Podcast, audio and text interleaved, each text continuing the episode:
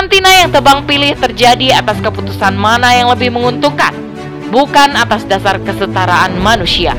Pengetatan aktivitas yang masih ditunda-tunda terjadi karena pemerintah lebih mementingkan stabilitas ekonomi. Simak seutuhnya di podcast Narasi Pos Media. Narasi Pos, cerdas dalam literasi media, bijak menangkap peristiwa kunci. Bersama saya Dewi Nasya, inilah rubrik opini dengan judul Transmisi Lokal Omikron Melanda, Sikap Jemawa Mengundang Bencana oleh Dr. Nisa Utami, SPPD. Telah dilaporkan kasus Omikron tanpa riwayat perjalanan luar negeri, yang berarti transmisi lokal telah terjadi. Alih-alih bersikap lebih waspada dalam menyiapkan lonjakan kasus seperti yang terjadi di beberapa negara tetangga, pemerintah Indonesia tampak bersikap sombong atau jemawa dengan dalih masih dalam kendali, penanganan ancaman Omikron masih terkesan ditunda-tunda dan tidak menjadi fokus utama. Gambaran ini adalah potret suram pemerintahan dengan sistem kapitalisme. Bukankah ini saatnya kita mengambil sistem kehidupan Islam sebagai solusi segala persoalan? Baru saja beberapa hari yang lalu Menteri Koordinator Maritim dan Investasi Menko Mafes Luhut Binsar Panjaitan mengatakan belum ada indikasi peningkatan kasus COVID-19 di Indonesia akibat penularan corona varian Omikron. Selang dua hari kemudian, kasus varian Omikron di Indonesia melonjak dari hanya 5 kasus menjadi total 68 kasus pada 29 Desember 2021. Padahal, di tanggal yang sama, juga telah tercatat sebagai kasus harian tertinggi selama pandemi, yaitu terdapat 1.449.269 kasus baru di dunia, di mana Amerika Serikat sebagai negara tertinggi, yaitu tembus 543.415 kasus dengan dominasi varian Omikron. Berdasarkan penelitian yang dilakukan Profesor Ahli Virus dan Penyakit Infeksi asal University of Hong Kong, Dr. Michael Chan Chiwai, Omikron memiliki kemampuan menggandakan diri atau replikasi 70 kali lebih tinggi hanya dalam waktu 24 jam pada bronkus atau pipa saluran napas utama dibandingkan varian Delta. Temuan lainnya, Omikron memiliki kemampuan replikasi 10 kali lebih rendah pada jaringan paru dibandingkan varian Delta. Sehingga ditengarai tingkat keparahannya juga rendah. Walaupun demikian, Dr. Michael Chan Chiwai memperingatkan bahwa virus atau varian Omikron dapat menjadi semakin infeksius dan dapat menyebabkan penyakit yang lebih parah, bahkan kematian. Dengan kemampuan replikasi meningkat 70 kali lebih tinggi di bronkus, varian Omikron dapat menginfeksi lebih banyak orang dalam waktu relatif singkat atau masa inkubasi hanya 1-3 hari. Hal ini dapat menyebabkan virus varian Omikron menjadi semakin infeksius karena ada mekanisme adaptasi setelah banyak terjadi interaksi. Selain itu, respon imunitas tubuh setiap orang berbeda-beda terhadap infeksi virus. Ada ancaman terjadinya badai sitokin yang dapat menyebabkan kematian akibat disregulasi respon imun terhadap infeksi virus varian ini. Hal ini sesuai dengan meningkatnya angka kematian akibat varian Omikron di beberapa negara. Berita yang sangat mencengangkan adalah terjadinya 293 kematian dalam kurun waktu 24 jam di India. Dari 6.358 kasus baru, dengan 653 di antaranya adalah varian Omikron. TimesofIndia.com akses 28 Desember 2021. Bahkan, di Inggris yang angka cakupan vaksinasi mencapai 90%, faktanya berdasarkan data UK Healthy Security Agency pada 27 Desember 2021, varian Omicron sudah menyebabkan kematian 53 orang dari total 766 kasus. Dari 68 kasus Omicron di Indonesia, terdapat satu kasus yang terjadi tanpa perjalanan luar negeri. Hal ini berarti telah terjadi transmisi lokal di Indonesia, sehingga dapat dikatakan bahwa sebenarnya varian Omikron sudah berada di antara masyarakat Indonesia.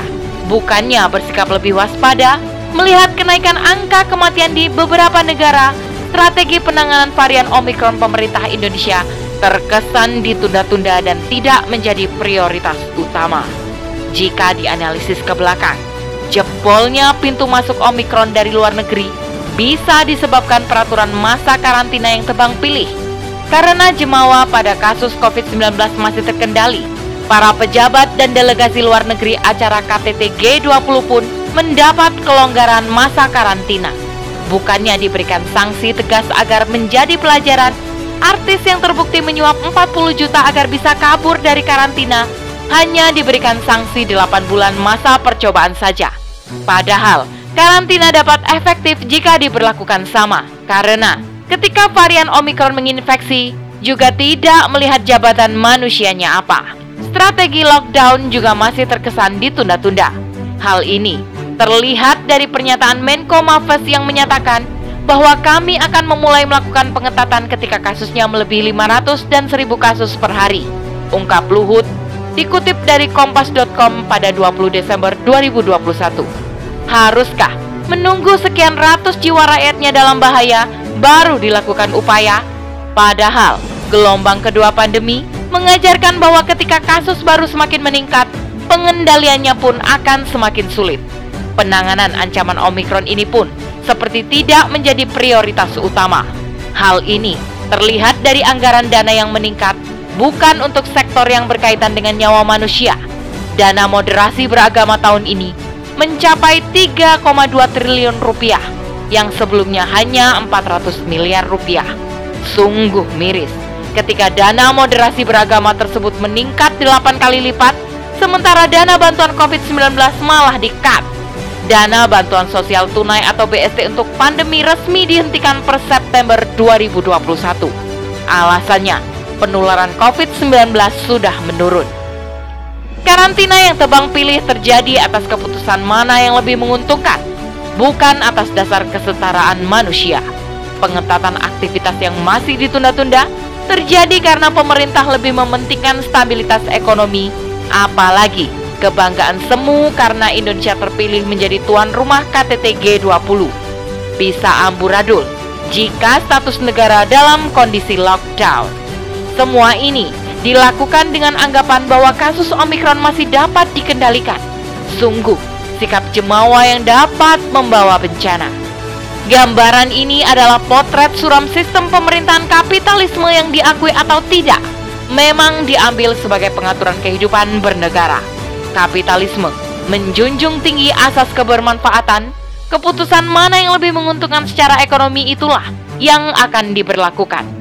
Segala strategi yang dikeluarkan terkesan asal-asalan, akibat terbiasa mengambil solusi pragmatisme yang mengutamakan asas kepraktisan. Nyawa rakyatnya hanya sebatas angka-angka yang pengumpulan datanya pun masih diragukan keabsahannya. Amerika Serikat sebagai negara adidaya yang menjadi kiblat sistem kapitalisme ini saja juga kewalahan menghadapi ancaman Omikron. Masihkah kita mempertahankan sistem kehidupan yang sudah terbukti gagal ini? Padahal kita sebagai umat muslim sudah Allah karuniakan sistem kehidupan Islam sebagai solusi segala problematika kehidupan.